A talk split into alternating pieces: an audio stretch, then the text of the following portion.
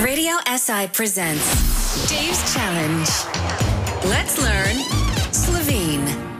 Dave's life has changed. On top of his work at the bar, law studies, and his regular chores around the house, he and Fani now also have a baby to take care of, and Dave is as tired as ever.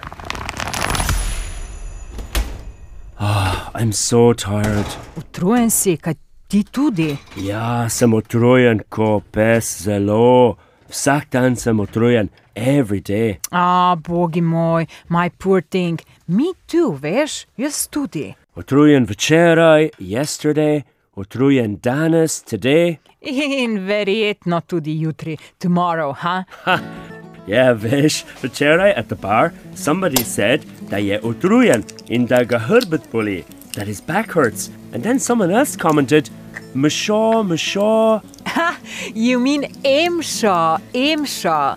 What's that? Well, it's just a reference to your age, and emša means enotna matična številka občana. Aha, on enota matica številka občana. Aha, you mean like a personal ID number for citizens, and everyone has one, right? Uh, yep, the first seven numbers tell your birth date, and the last six are just random numbers. Numbers, številka. So I guess we're all just numbers, really. Yep, vsi smo številke. Even our little Max. Well, he was just born and he's already a številka? Pa daj, no, stop complaining, Dave. Nehaj se pritoževati kot neki stari ded. Complaining? Me complaining? Ja, veš, tudi tebi se emšo pozna. Emshaw. Ah, I get it. So if you think I'm getting old, you say Emshaw, yeah? Ja, točno tako. And if your body aches, cheteboli, it's also Emshaw, yeah? Yes. Oh, the baby yoy again. Oh, knackered.